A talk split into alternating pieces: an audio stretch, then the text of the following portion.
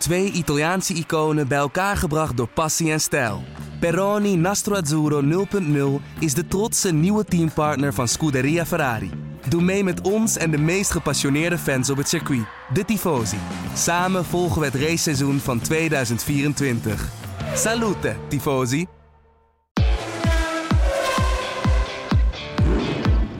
Dit is de Formule 1-podcast van De Telegraaf. Erik van Haren en Christian Albers praten hierbij over het belangrijkste Formule 1-nieuws. Ja, na drie weken ben ik uit de Formule 1-bubbel gestapt. Na twee races in Oostenrijk en uh, één race in Hongarije ben ik terug in Nederland. Christian, uh, jij veilig in Monaco? Ja, ik, ik, ik, ben alleen maar veilig in Monaco. Ik uh, reis heel weinig. Ja. Um, maar ik zit wel soms, tenminste, wel al, altijd wel eens, altijd eigenlijk op de Telegraaf te kijken. Maar je begint echt wel een wereldster te, te worden. Je ja, want de, de mannelijke Eva, Eva Jinnik. Ja, want uh, heb je genoten van mijn verhalen, maar ook van uh, ja. de video's? Ja, fantastisch. Ja, fantastisch. Ja, je doet het echt heel goed, ja. Oh, het is Ja. fijn dat je voor de podcast een stuk positiever bent dan je normaal bent. Maar dat is voor de luisteraar goed om te weten. Ehm, als jij drie weken weg was als coureur, of nog langer misschien, wat was dan het eerste wat je deed als je terug was? Maar ja, eerst eigenlijk gewoon in een relax mode. Ik denk dat dat eigenlijk wel het belangrijkste is. Weet je, eerst gewoon even twee dagen. Dat is eigenlijk het lekkerste altijd. Want dan hoef je eigenlijk in principe niet gelijk te gaan trainen. Want je hebt natuurlijk een, uh, uh, je hebt gepresteerd op een zondag. Wat natuurlijk behoorlijke inspanning is geweest voor je lichaam. Zowel fysiek als mentaal. dus je bent eigenlijk altijd wat zwakker. dus je gaat dan een beetje aansterken. En, en, dat is eigenlijk de mooiste tijd. Want dan kan je een beetje, ja, ja, of de slechtste tijd. Ligt eraan natuurlijk hoe de prestaties zijn geweest. Maar je kan altijd eigenlijk op de maandag en de dinsdag doe je eigenlijk wat relaxter en doe je dingen die je leuk vindt. En dan, uh, en dan uh, ga je, pak je eigenlijk je routine weer op met, uh, met het trainen en zo en met het bezig zijn met het team. Oké, okay. nou ik zat op een romantisch verhaal met, over je vrouw of zo. had ik verwacht, maar oké, nee, dit nee. kan ook. prima. dat, um, dat was heel lang geleden. Ja, ja, precies. Laten we na drie weken eens de, de balans opmaken. Um, ik denk dat het meest is opgevallen voor mij is toch de... En dat is aan de ene kant niet verrassend, maar misschien hadden we toch uh, iets anders gedacht of in ieder geval gehoopt. Is toch de dominantie van Mercedes. Als ik zelf kijk, uh, ten eerste, het is natuurlijk de prijzen, de, de dominantie van Mercedes, de manier waarop zij elk jaar blijven innoveren. Hè? Al zes jaar op rij kampioen en ja, het lijkt er nu al op dat daar een zevende bij gaat komen. Alleen aan de andere kant is het natuurlijk wel zo, je wil eigenlijk een beetje een spannende titelstrijd, zoals we die vroeger natuurlijk wel vaak hebben gezien tot het laatste moment. En dat lijkt het nu, ja, lijkt nu toch weer niet te gaan gebeuren. Uh, hoe kijk jij daarnaar? Ja, we willen natuurlijk, ja, we willen natuurlijk spanning voor je in het veld hebben. We willen natuurlijk dat, uh, uh, dat er natuurlijk wisselende posities zijn en komen, continu in een race. Want dat, dat, dat trekt ons aan natuurlijk. We willen wat zien, we willen actie zien. En we hebben natuurlijk ook gewoon natuurlijk een Nederlander die voorin rijdt in een, in een, in een, uh, ja, in een fabrieksteam. Uh, waar we natuurlijk ook allemaal op het punt van de, van de, van de stoel zitten. Um, en waar we natuurlijk, uh, ja, natuurlijk ja, een, een, grote fan van zijn.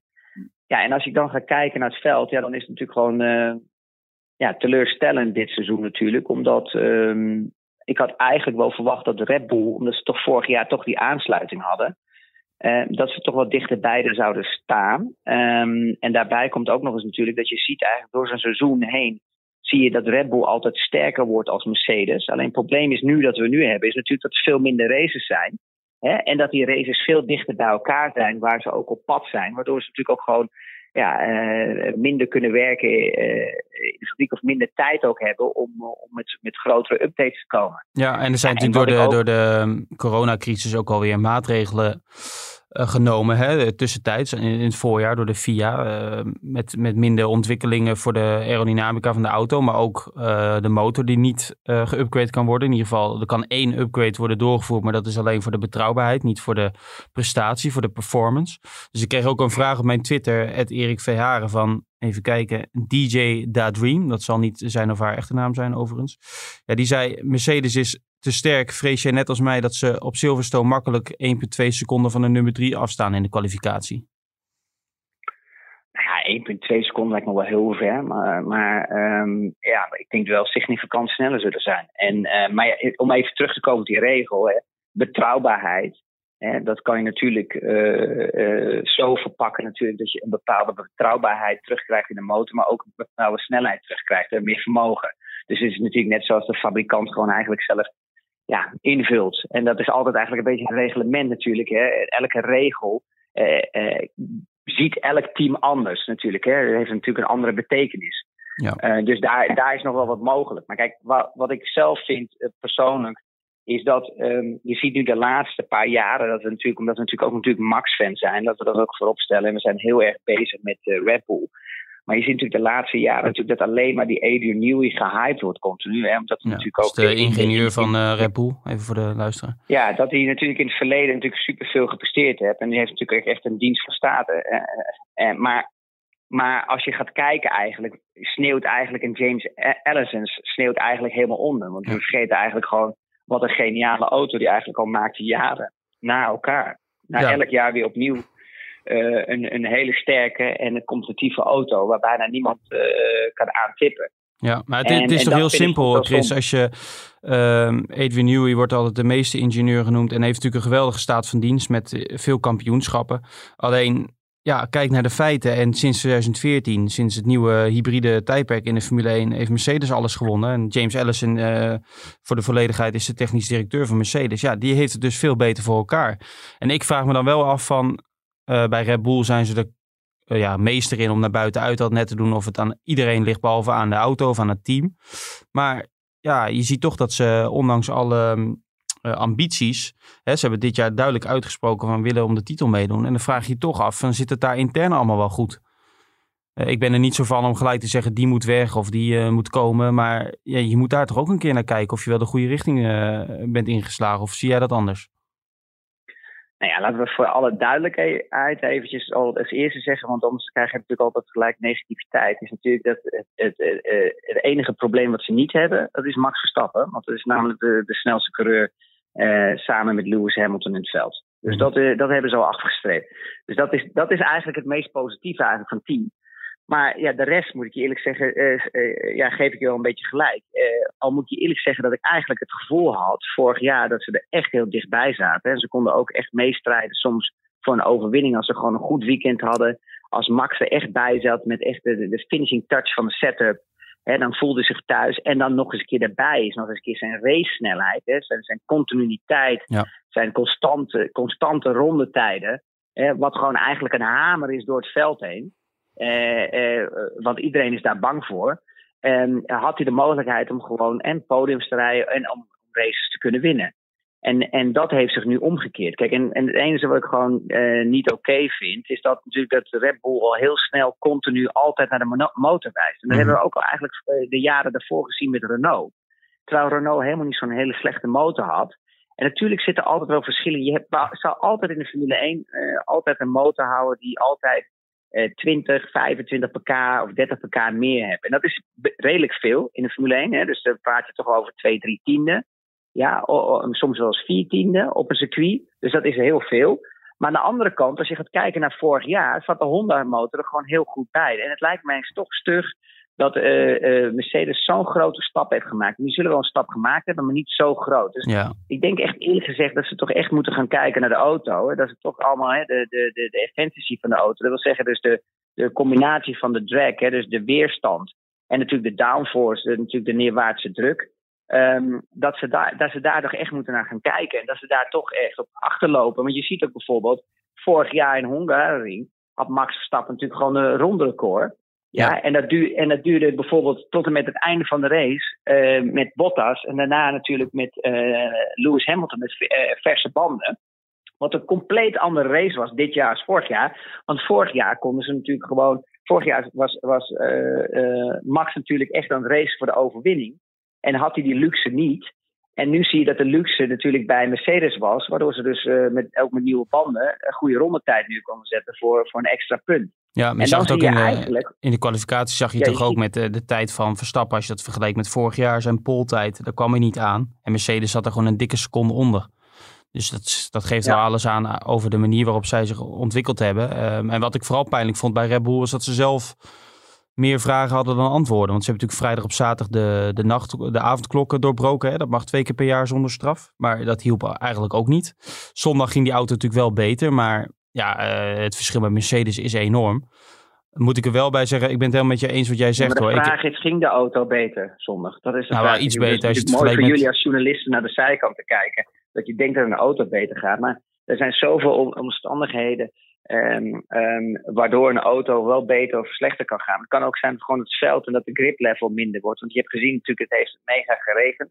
Iedereen gaat nieuw op slicks. Mhm. Dus dat betekent ook dat iedereen een andere setup heeft als ze gewend zijn. En dat verschilt toch altijd veel. Je weet toch, ondanks dat je een, een, een, een race setup hebt, hè, dat je dat test op vrijdag, droog of op zaterdag met de derde training. Uh, dat doet er niet toe. De auto kan altijd anders uh, uh, qua karakter veranderen. Hè? Door de wind die je bijvoorbeeld van achteren krijgt als je in de, in de tweede sector komt.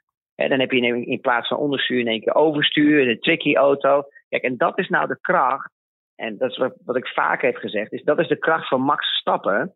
Is dat het een, een racer is, maar dat hij zich ook kan adapten. Dus hij, hij kan zich aanpassen aan de karakteriek van de auto. Mm -hmm. Dus als Max bijvoorbeeld hè, een oversturende auto hè, dan kan hij zichzelf daaraan aanpassen om nog steeds het maximale uit de rondetijd te halen. En dat zijn de echte races. Dat heeft eigenlijk alleen maar echt Max.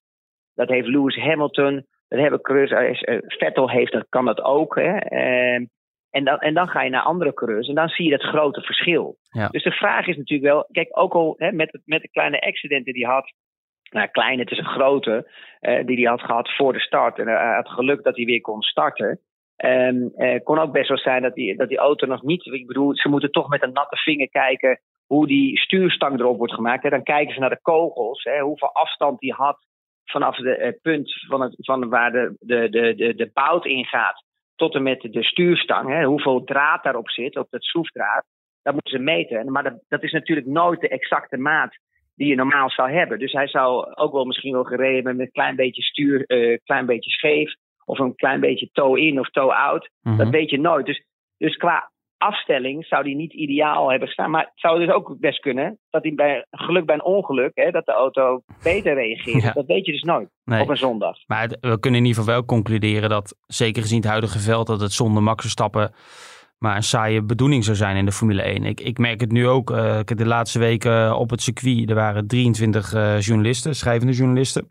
Dus dat zijn dan vooral Engelsen, Duitsers, Fransen. Zondag zat er ook een Hongaar. Hè, die, eh, die zei, ja, iedereen is kapot te krijgen behalve Max. Eh, Max gaat nooit kapot, zo zei hij dan. Ehm, maar je ziet wel dat, dat hij ook bij, de, bij, die, bij die volgers, bij die vaste volgers, bij de liefhebbers, dat, dat die echt kunnen genieten van Verstappen. Kijk, hij was natuurlijk met die crash in de opwarmronde, dat is zelden vertoond. Maar dat hij daarna gelijk bij de start vier plekken wint. En ook een week daarvoor eigenlijk in onmogelijke positie toch nog even een gevechtje eh, heeft met Bottas. Daar, daar kunnen mensen wel van genieten. En er zijn, er zijn maar weinig coureurs die dat doen. En dat vind ik wel knap. Jij zei het vorige week ook in je column, eh, volgens mij, eh, dat hij niet op moet geven. Want die, die vraag stelde ik jou eh, toen we die column maakten. En Verstappen is eigenlijk een paar dagen later hetzelfde. En dat bewijst hij dan toch. Hij weet ook dat Mercedes een veel betere auto heeft. Ik denk dat hij zelf ook beseft dat een titel dit jaar geen reële mogelijkheid is. Maar je merkt het totaal niet aan hem als hij in die auto zit. Dat vind ik wel heel knap. Nee, maar dan gaat er ook een, maar Erik, daar gaat er ook een knop om. Hè? Ik bedoel, als wij als coureurs zijn in een auto stappen, dan is het gewoon fun time. En dan wil je altijd op het limiet rijden. En daar denk je niet over na dat een Mercedes eh, een halve seconde sneller is of welke auto's achter je zit. Je, je haalt het maximale eruit. Ja. Ehm, maar om even terug te komen eigenlijk naar de twee essentiële punten, wat, wat ik wel belangrijk vind om te bespreken van de race, is dat, dat je natuurlijk de opwarmronde naar de grid, waar hij eraf ging, en dat heeft ook te maken natuurlijk hè, waar hij gaat kijken waar zijn rempunten zijn hè, en waar hij zich kan forceren. Maar en het tweede, wat echt heel belangrijk is en wat de kijkers en de luisteraars er nooit weten, is dat als je nieuwe set regenbanden erop krijgt, die eerste laag die over zo'n regenband zit, die moet, die moet, erdoor, die, die moet zeg maar weggaan. En dat, en dat weggaan, dat duurt gewoon een ronde tot anderhalve ronde. Dus het is spek en spek glad. Dus een gebruikte regenband eh, band is, is, is een, een heel groot verschil tussen een nieuwe regenband. Dus die nieuwe regenband, dat is gewoon dat je op ijs rijdt. En daar, wil je, daar wilt u natuurlijk eigenlijk zo snel mogelijk inshrubben, uh, shrubben zeg maar als het ware, om zo snel mogelijk grip te, uh, te creëren. En ik denk dat gewoon die banden nog gewoon veel te uh, nieuw waren. En dan is het echt gewoon spekglad. En dat zie je, dan maak je dus twee keer maakte hij dus fout dat hij zich vergalopeerde. Mhm. dat hij dus eerst bij de chicane eh, afging. En daarna natuurlijk hè, het remmen waar het eh, super glad was. eh, dat hij dus daar ook rechtdoor ging. Ja, weet je, en je, je kan bij hem niet meer zeggen dat het een beginnersfout is. Dus ja, dat, dat was gewoon te veel. Hij had te veel gepusht. Of hij wou te veel om te kijken hoe of wat. En dat was gewoon een fout. Maar kijk, het mooie ervan is, ik weet je, vroeger bij zijn vader, hè, of bij mij, zouden we niet zo graag dat toegeven. Maar je ziet nu dat Max daar wel erg in groeit. En je ziet dat hij dus ook echt eh, naar zijn monteurs ook echt lof uitspreekt. Hè, dat ze het gewoon weer eh, voor elkaar hebben gebokst om die auto klaar te maken. En ik had er al een goed gevoel over. Want als ik zat te kijken, ik, zat, ik had alleen maar angst natuurlijk dat misschien een wisboom krom was. Hè, want dan had je echt een probleem gehad. Dan hadden ze de hele hoek moeten veranderen. Maar had, had dat ook nog wel gekund. Maar alleen de spoorstang en de vleugel. Kijk, de vleugel dat duurt natuurlijk 10 seconden of 20 seconden. Dus dat is niet zo spannend. Eh, maar alleen was natuurlijk de spoorstang. Ja. En als je dan naar nummer 2 gaat, dat vond ik ook heel erg belangrijk, is de start. Hè? Wat is de definitie van de start? Is dat het wegkomen hè, van de, eerste 100 meter?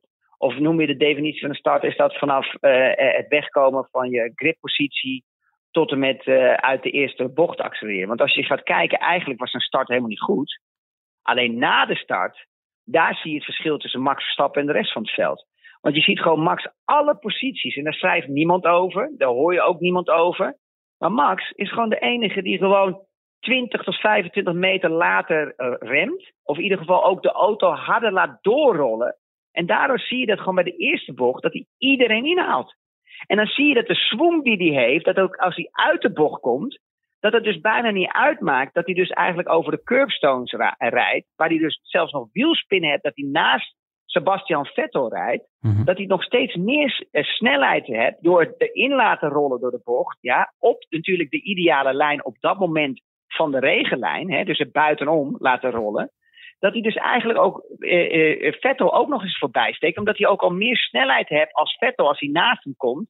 En dat hij dus nog, nog met minder tractie, dat hij er dus nog voorbij komt. En daar hoor je dus eigenlijk ook niemand over praten. Iedereen zegt, ja, hij had een goede start. Nee, hij had helemaal geen goede start. Hij had een, redelijke start toen hij wegkwam. Want als je de auto's voor je ziet, bijvoorbeeld Leclerc, die was als een, eh, als een kanon weg. Ja, maar de, de, de, de, de, de, de kunst zat hem erin, is dat hij bij de eerste bocht gewoon buitenom door liet rollen. Ja. En dat hij gewoon veel, significant veel meer snelheid had. Ik denk wel eh, 5 tot 10 kilometer per uur meer Ja. in een- op een regenachtig circuit. En dat is waar hij alle posities goed maakte. Hij was in ieder geval wel beter weg dan, eh, dan Bottas. Ehm, en, en wat natuurlijk Ja. ook knap is, is dat, dat Verstappen, eh, ja, dan blijkbaar heeft het geen enkele invloed dat hij dan een paar minuten daarvoor nog denkt dat het einde race is. Voordat de race überhaupt is begonnen. Of dat hij, dat hij zich misschien een beetje schaamt voor die crash. Eh, Dat, dat heeft blijkbaar geen enkele invloed. Ik zat nog wel te denken, vroeger had je natuurlijk nog een, een, een reserveauto, een T-car. Want ik kan me herinneren dat ook als een Nederlandse coureur ehm, door Michael Schumacher een de opwarmronde werd. Ja, werd en dat vind ik eigenlijk wel jammer. Ik vind het jammer dat eigenlijk dat, want dat kost namelijk niet meer geld. Want meestal weet je of je nou eh, één chassis maakt, of twee of drie, daar zit, daar, zit, daar zit het grote geld niet meer in. Dus ik vind het eigenlijk wel jammer, want je wilt namelijk eigenlijk altijd, hè, Formule 1, we willen allemaal spanning zien, we willen, we willen sensatie zien. Weet je en als er dan zoiets gebeurt eigenlijk voor de grid, mis je al gelijk een auto. Ja. En dat vind ik eigenlijk wel jammer, want in principe is, zou, zouden we eigenlijk terug moeten gaan naar dat tijdperk. Dat er gewoon een derde auto in de pitbox staat. Want daar is ook de ruimte wel voor. Eh, die kan gecreëerd worden. En dat maakt, zorgt er wel voor dat je altijd gewoon het maximale aantal auto's hebt staan eh, aan de grid. Hè? Of dat die in ieder geval meedoen. Ja. Dus dat, dat vind ik wel eigenlijk jammer, moet ik eerlijk zeggen. Ik zou eigenlijk toch wel terug willen gaan naar dat, eh, naar dat, oude, naar dat oude reglement. Wat was dat, China 2005? Ja, in 2005 eh, reed ik eigenlijk eh, naar de grid toe. En Michael Schumacher was bezig eigenlijk op zijn stuur. En, ehm, en eh, die stuurde eigenlijk, toen hij ook links voorbij kwam, stuurde hij in één keer onverwachts helemaal naar links. En die reed in, in mijn sidepot als het ware. Dus we, we crashten met elkaar. Unfall, Michael Schumachers kollidiert. Da war was mit Albers. Michael Schumacher going to the grid. I am uh, damaged the car. Do I come, need to come back to the pits for T-car? Das haben wir ja noch nie gesehen. Oh jee, oh jee. En eh, ja, toen dacht ik natuurlijk, ja, dat was balen. Ze moest terugrennen, Michael moest terugrennen. We moesten allebei naar Tika. En ik dacht natuurlijk van, ja, ik was natuurlijk de, de, de, de rookie. Dus ik dacht, ja, ik word natuurlijk afgemaakt, want ik heb de grote Michael Schumacher eraf afgereden. Mhm. Maar ik moet eerlijk zijn dat Michael echt dat uh, supergoed aanpakte. En die, die kwam naar mijn pitbox toe en zei: Chris, sorry, ik was aan het dromen, ik was bezig op mijn stuur. En ik trok per ongeluk aan het stuur, want ik dacht dat het circuit naar links liep in plaats van naar rechts. En mijn excuses, ja, nou, ja, wat kan je er daarna nog niks aan doen? Ja, ik kan moeilijk tegen Michael Schumacher. Ja, je bent een grote, je weet wel. Nee, dat zou jij nooit doen natuurlijk. jouw kennende. Nee. We gaan verder met, met jou goed vinden met, met racing, naar Racing Point. Ehm, ik weet niet, ja, als ik er zelf naar kijk, bekruipt mij toch een beetje het gevoel, ook tussen zo'n zaterdag in Hongarije, met natuurlijk Strol en een niet geheel fitte Perez op 3 en 4. Ja, natuurlijk, het is bekend, hè, een soort Mercedes-kopie van vorig jaar. Bekruipt met, het geeft mij een beetje het gevoel van, het is een soort Bayern München in Duitsland, waar Bayern München 2 ook nog in dezelfde competitie mee, meespeelt en ook uh, waar 10 miljoenen in, worden, in, in wordt gepompt. Het is, het is niet echt of zo. Het, ja, als liefhebber kijk ik daar uh, toch een beetje met een, met, een, ja, met een dubbel gevoel naar. Snap je wat ik bedoel? Nou ja, ja, ik heb daar twee dingen over te zeggen. Dat is echt heel makkelijk. Eén, ik vind dat Strol goed presteert. Ja. Ik vind altijd dat hij af wordt gemaakt natuurlijk. Hè, omdat zijn vader nou eenmaal vermogend is. Het goed voor elkaar heeft. En dat hij een Formule 1 team koopt. Oké, okay, uh, hij, is niet zo, hij heeft niet zo gevochten als, uh, als andere coureurs. Maar dat, uh, dat onderscheidt ook een Lewis Hamilton en een Max Verstappen. En daar, daarom zou hij ook nooit op diezelfde level komen. Maar dat wil niet zeggen dat hij, dat hij het slecht doet. Ik vind dat hij het goed doet. Hij, hij, hij uh, outqualified toch uh, Perez. Hij heeft een beter resultaat als Perez. Hè, die, echt een, uh, die, die echt een betaalde coureur is. En hij, hij moet betalen om te rijden. Um, en het tweede vind ik ja, gewoon Racing Point. Sorry, ik, ik schaam me echt kapot voor Formule 1. Dat meen ik echt serieus. Ik vind dit echt niet kunnen ik vond, moet je eerlijk zeggen, ik vond al een hele moeilijke situatie al een paar jaar geleden met Red Bull en Toro Rosso. Mm -hmm. Daar werd ongelooflijk uh, veel om gevochten. Uh, daar was strijd van andere Formule 1 teams die achteraan reden natuurlijk, omdat het om heel veel televisiegeld gaat. Dus het is natuurlijk ook niet eerlijk als je een kopie krijgt van een topteam. Want uh, er is geen eerlijk gevecht meer met de teams die achteraan rijden. En het tweede is, vind ik het echt schaamteloos, echt serieus van Mercedes. Mm -hmm. Dat Mercedes daarin meegaat om uh, dit te doen. En de FIA, uh, ja, ik vind het niks meer met race te maken hebben. Nee. Om heel eerlijk te zijn. Want Nee. eigenlijk maakt het alles kapot. Want als je nu gaat kijken, staan er gewoon vier Mercedes vooraan.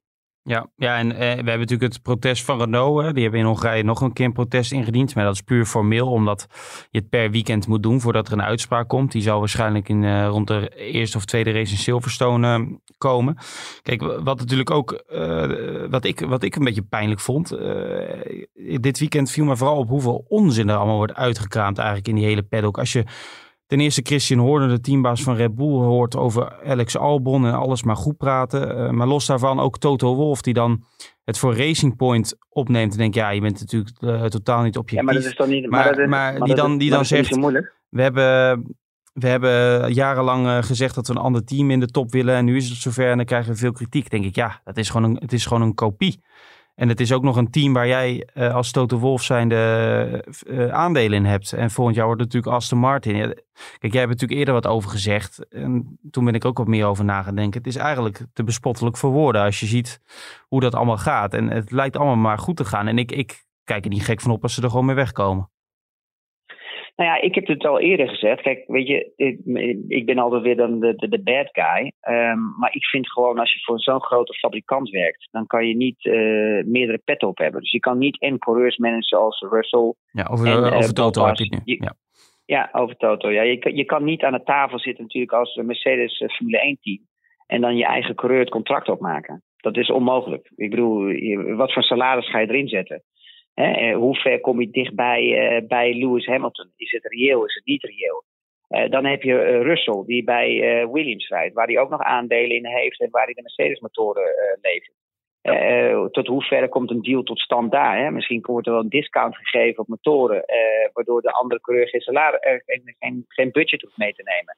Eh, als je gaat kijken naar het Venturi eh, I, eh, het, het, Formule E-team, Mhm. waar zijn vrouw dan in één keer 30% van de aandelen krijgt, omdat, omdat ze Mercedes-motoren of van HWA-ondersteuning krijgen. Ehm, als je gaat kijken nu met Lance Stroll, hoe, ja, hoe die twee verbonden met elkaar zijn. Ehm, en je gaat daarnaar kijken Stroll, hoe dat hele vader, Formule 1-team. Ja. Ja, ja, ja, Stroll, ja. Eh Stroelov, hè, ook nog wel genoemd. Ja. Ehm, als je daarna gaat kijken ook hoe dat eigenlijk in zijn verloop is gegaan. Ja, kijk, weet je, Renault doet dat eigenlijk wel heel slim. Want die hebben gekeken, oké, luister eens, eh, je mag dus als het ware foto's maken van de auto en dan mag je de auto namaken. Maar ik kan jou één ding vertellen. Van foto's is het ongelooflijk moeilijk. En naar mijn ervaring van ja, eh, drie jaar in de Formule 1 gereden te hebben en, en ontwikkelingscoureur te zijn geweest bij Mercedes, eh, vijf, zes jaar. Eh, zowel straatauto's, ontwikkeling tot en met eh, raceauto's. Kan ik jou vertellen dat als je een foto maakt van een Formule 1 auto, hè, daar kan je de filosofie van overnemen, maar nooit een kopie. Want elke millimeter die, eh, waar een bubbel zit in het chassis, of op een eh, klein vleugeltje, of een kleine engel, of een, een kleine graden op, een, op iets kleins op de voorvleugel, geeft een compleet andere flow over de auto. En de flow wil zeggen, zeg maar, als het ware als een soort de wind die over de auto heen gaat. Dus dat is bijna niet te kopiëren. Dus daardoor weet eigenlijk, geef ik nu al aan aan iedereen, dat die auto nooit zo hard kan gaan door alleen foto's. Dat is onmogelijk. Dat kan je nooit van elkaar kopiëren. En ik vind het, moet je heel eerlijk zeggen, als ik Racing Point was geweest, ja, en, en dat was natuurlijk dan ook het moeilijkste. Daarvoor hebben ze ook eigenlijk één op één die auto gekopieerd. Kijk, weet je, het valt natuurlijk op. Het eerste wat al opgevallen is natuurlijk, is dat natuurlijk die neus al, hè? die Mercedes-neus. Hè? Die, die had ik bijvoorbeeld veranderd. Oké, dan maar misschien eh, eh, een paar kilo eh, downforce verlies, hè? of misschien wel meer. Want dan was er al minder geruchten gekomen. Ja. Hè? Dan had je het al wat rustig gehouden. Kijk, en wat Renault nu heel slim doet, die gaat natuurlijk een protest indienen voor de onderdelen ja, die je niet kan fotograferen. Dus die aan de binnenkant. En nou krijg je de strijd, als het ware, waar je ziet dat meneer Wolf, hè, dus ook Mercedes en Racing Point beginnen te draaien. Wanneer ze nou die brake discs, Ja. discs ja, gemaakt hebben. En of, of ze nou dat in 2019 gekocht hebben. Hè, dus ja, Toen mocht het zeggen nog. ze bijvoorbeeld, toen mocht het nog, hè, toen mocht je nog onderdelen kopen. Hè, dus bijvoorbeeld de Ferrari, hè, die verkoopt eigenlijk een heel pakket, dus de motor met de versnellingsbak en, en, en de achterkant aan elkaar. Hè. Dat wil Mercedes dus bijvoorbeeld ook doen. Hè, maar er is natuurlijk wel een verschil tussen de achterkant en de voorkant. En dus wat je, wat je nu krijgt is de discussie van, heeft Mercedes eh, die tekeningen verkocht in 2019 of 2020? En zo probeert eigenlijk Renault Mercedes uit de tent te lokken. En je ziet toch dat ze daar toch over gesproken hebben. En dat ze daar vergaderingen over hebben eh, gehad. Want dus, eh, waar het nu om gaat, en waar ik nu nieuwsgierig over ben, is natuurlijk: heeft Racing Point de tekeningen gehad?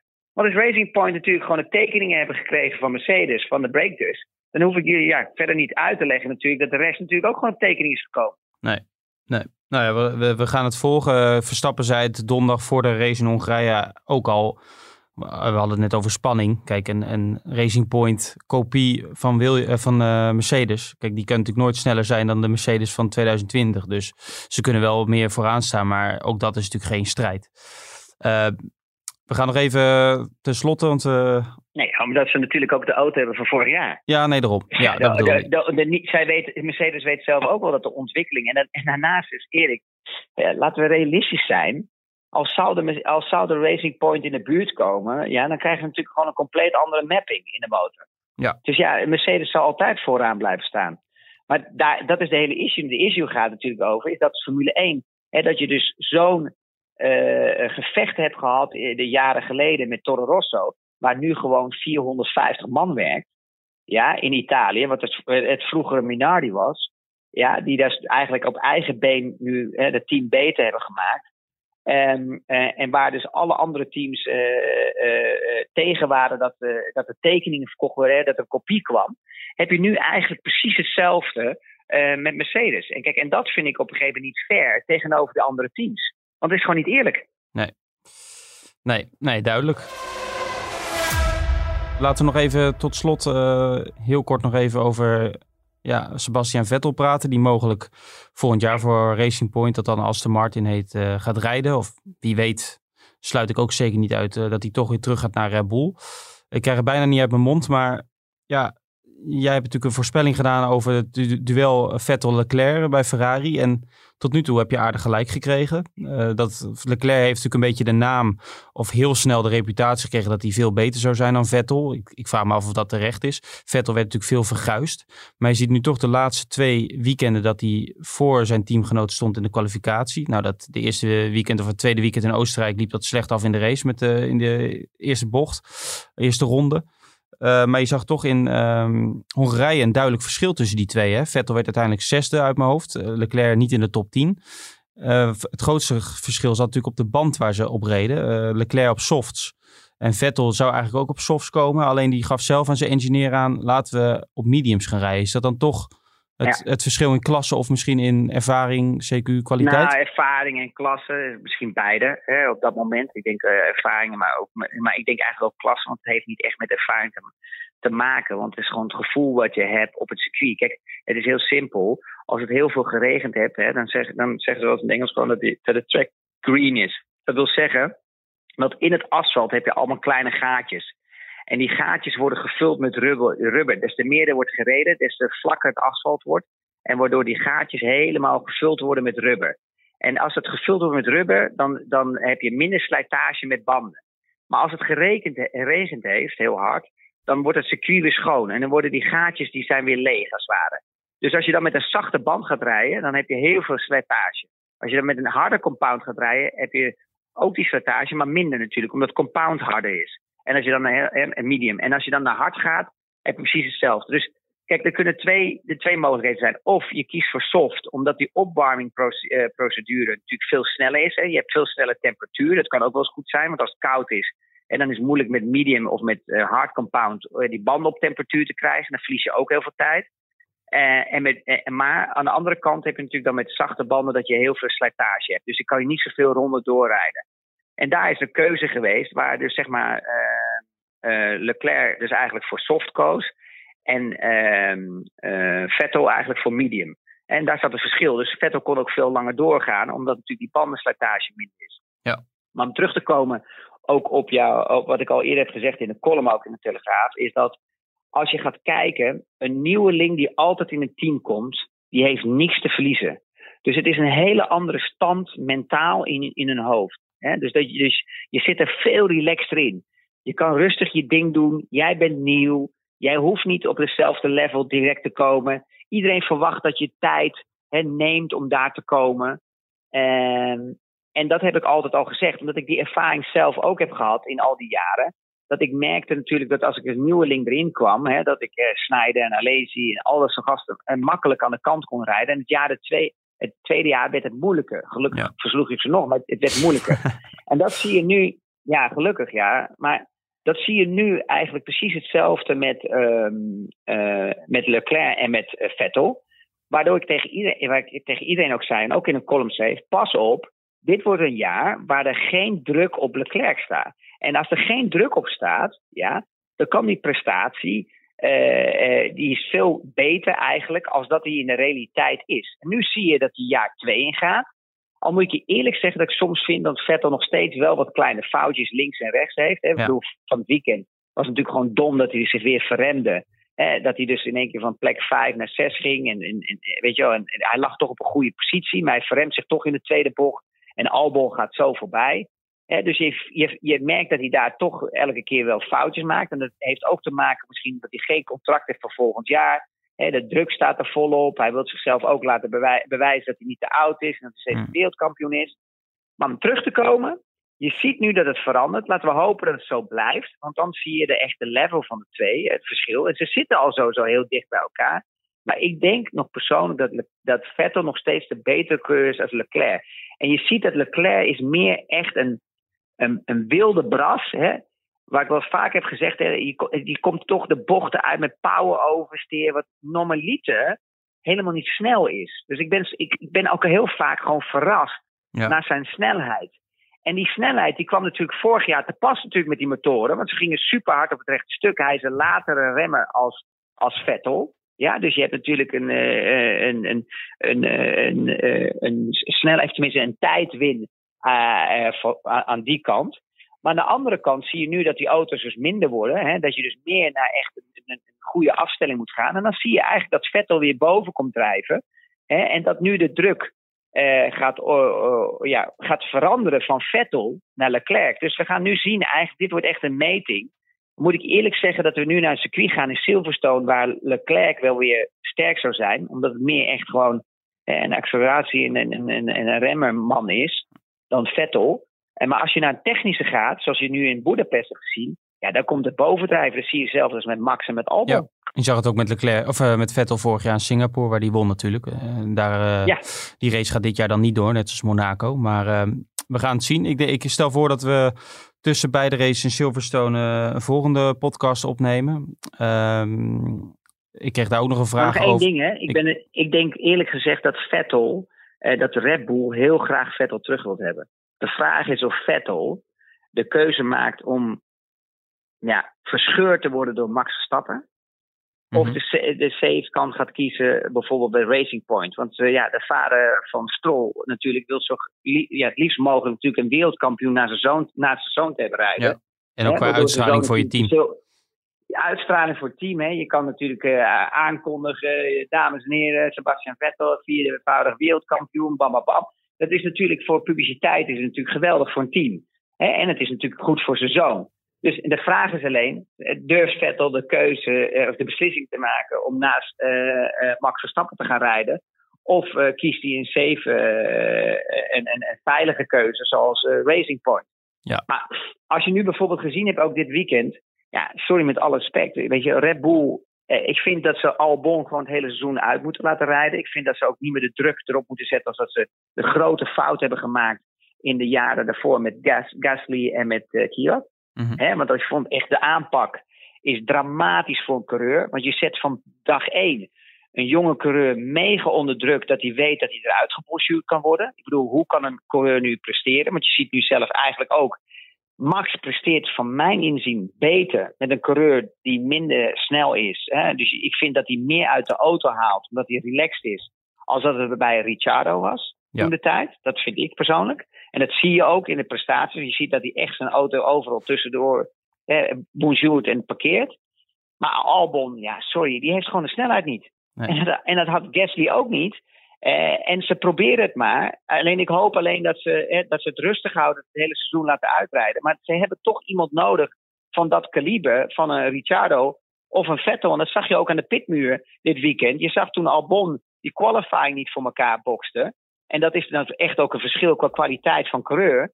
Dat Adrian Newey het gewoon niet zag zitten. Ik bedoel, eh, ik bedoel als je zijn gezichtsimpressies zag, ja. ja, dat zegt genoeg. Dat zei gewoon, Vettel is in.